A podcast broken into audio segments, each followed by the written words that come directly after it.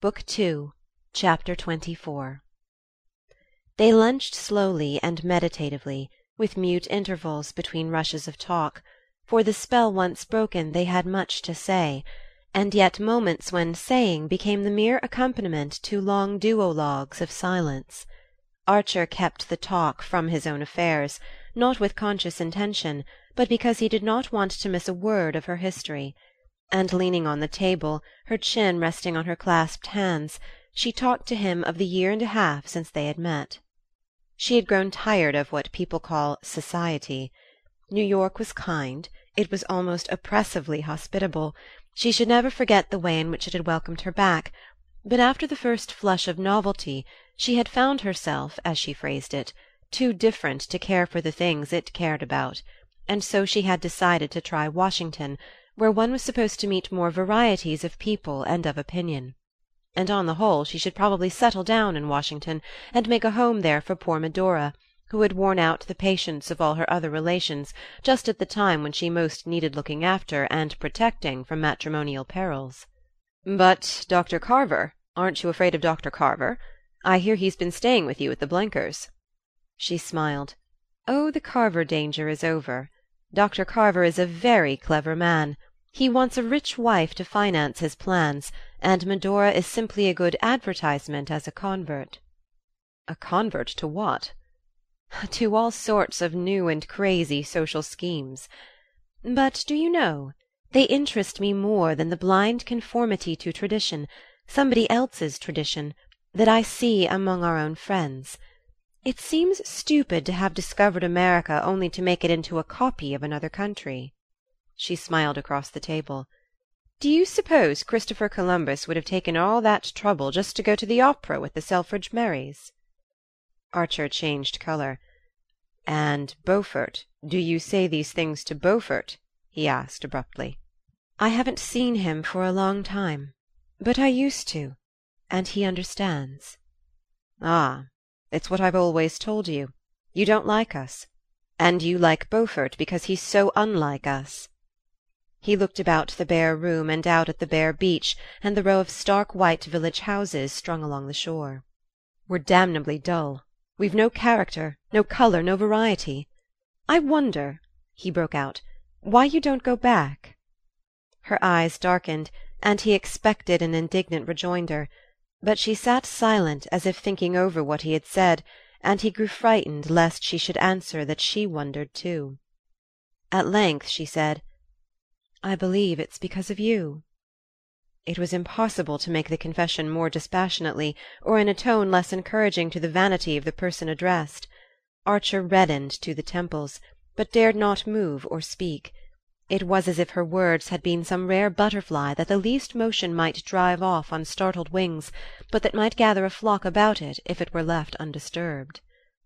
"At least," she continued, "it was you who made me understand that under the dullness there are things so fine and sensitive and delicate that even those I most cared for in my other life look cheap in comparison. I don't know how to explain myself."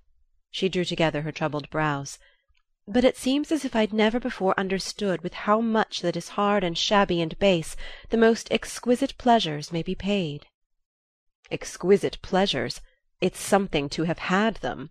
he felt like retorting; but the appeal in her eyes kept him silent. "I want," she went on, "to be perfectly honest with you and with myself. For a long time I've hoped this chance would come, that I might tell you how you've helped me, what you've made of me. Archer sat staring beneath frowning brows. He interrupted her with a laugh. "And what do you make out that you've made of me?" She paled a little. "Of you?" "Yes, for I'm of your making much more than you ever were of mine. I'm the man who married one woman because another one told him to." Her paleness turned to a fugitive flush. "I thought you promised you were not to say such things to day." "Ah! How like a woman! None of you will ever see a bad business through." She lowered her voice. "Is it a bad business for May?" He stood in the window, drumming against the raised sash, and feeling in every fibre the wistful tenderness with which she had spoken her cousin's name. "For that's the thing we've always got to think of, haven't we, by your own showing? she insisted. My own showing? he echoed, his blank eyes still on the sea. Or if not, she continued, pursuing her own thought with a painful application, if it's not worth while to have given up, to have missed things, so that others may be saved from disillusionment and misery, then everything I came home for, everything that made my other life seem by contrast so bare and so poor because no one there took account of them, all these things are a sham or a dream. He turned around without moving from his place. And in that case there's no reason on earth why you shouldn't go back, he concluded for her. Her eyes were clinging to him desperately. Oh, is there no reason? Not if you staked your all on the success of my marriage. My marriage, he said savagely, isn't going to be a sight to keep you here. She made no answer, and he went on. What's the use? You gave me my first glimpse of a real life, and at the same moment you asked me to go on with the sham one. It's beyond human enduring. That's all. Oh, don't say that when I'm enduring it, she burst out, her eyes filling. Her arms had dropped along the table, and she sat with her face abandoned to his gaze as if in the recklessness of a desperate peril. The face exposed her as much as if it had been her whole person, with the soul behind it. Archer stood dumb, overwhelmed by what it suddenly told him. You too. Oh, all this time. You too. For answer she let the tears on her lids overflow and run slowly downward. Half the width of the room was still between them, and neither made any show of moving. Archer was conscious of a curious indifference to her bodily presence he would hardly have been aware of it if one of her hands she had flung out on the table had not drawn his gaze as on the occasion when, in the little Twenty-third Street house, he had kept his eyes on it in order not to look at her face. Now his imagination spun about the hand as about the edge of a vortex, but still he made no effort to draw nearer. He had known the love that is fed on caresses and feeds them, but this passion that was closer than his bones was not to be superficially satisfied. His one terror was to do anything which might efface the sound and impression of her words; his one thought that he should never again feel quite alone. But after a moment the sense of waste and ruin overcame him.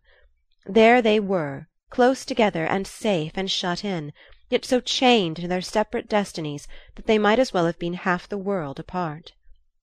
"What's the use? When will you go back?" he broke out, a great hopeless how on earth can I keep you? crying out to her beneath his words. She sat motionless with lowered lids.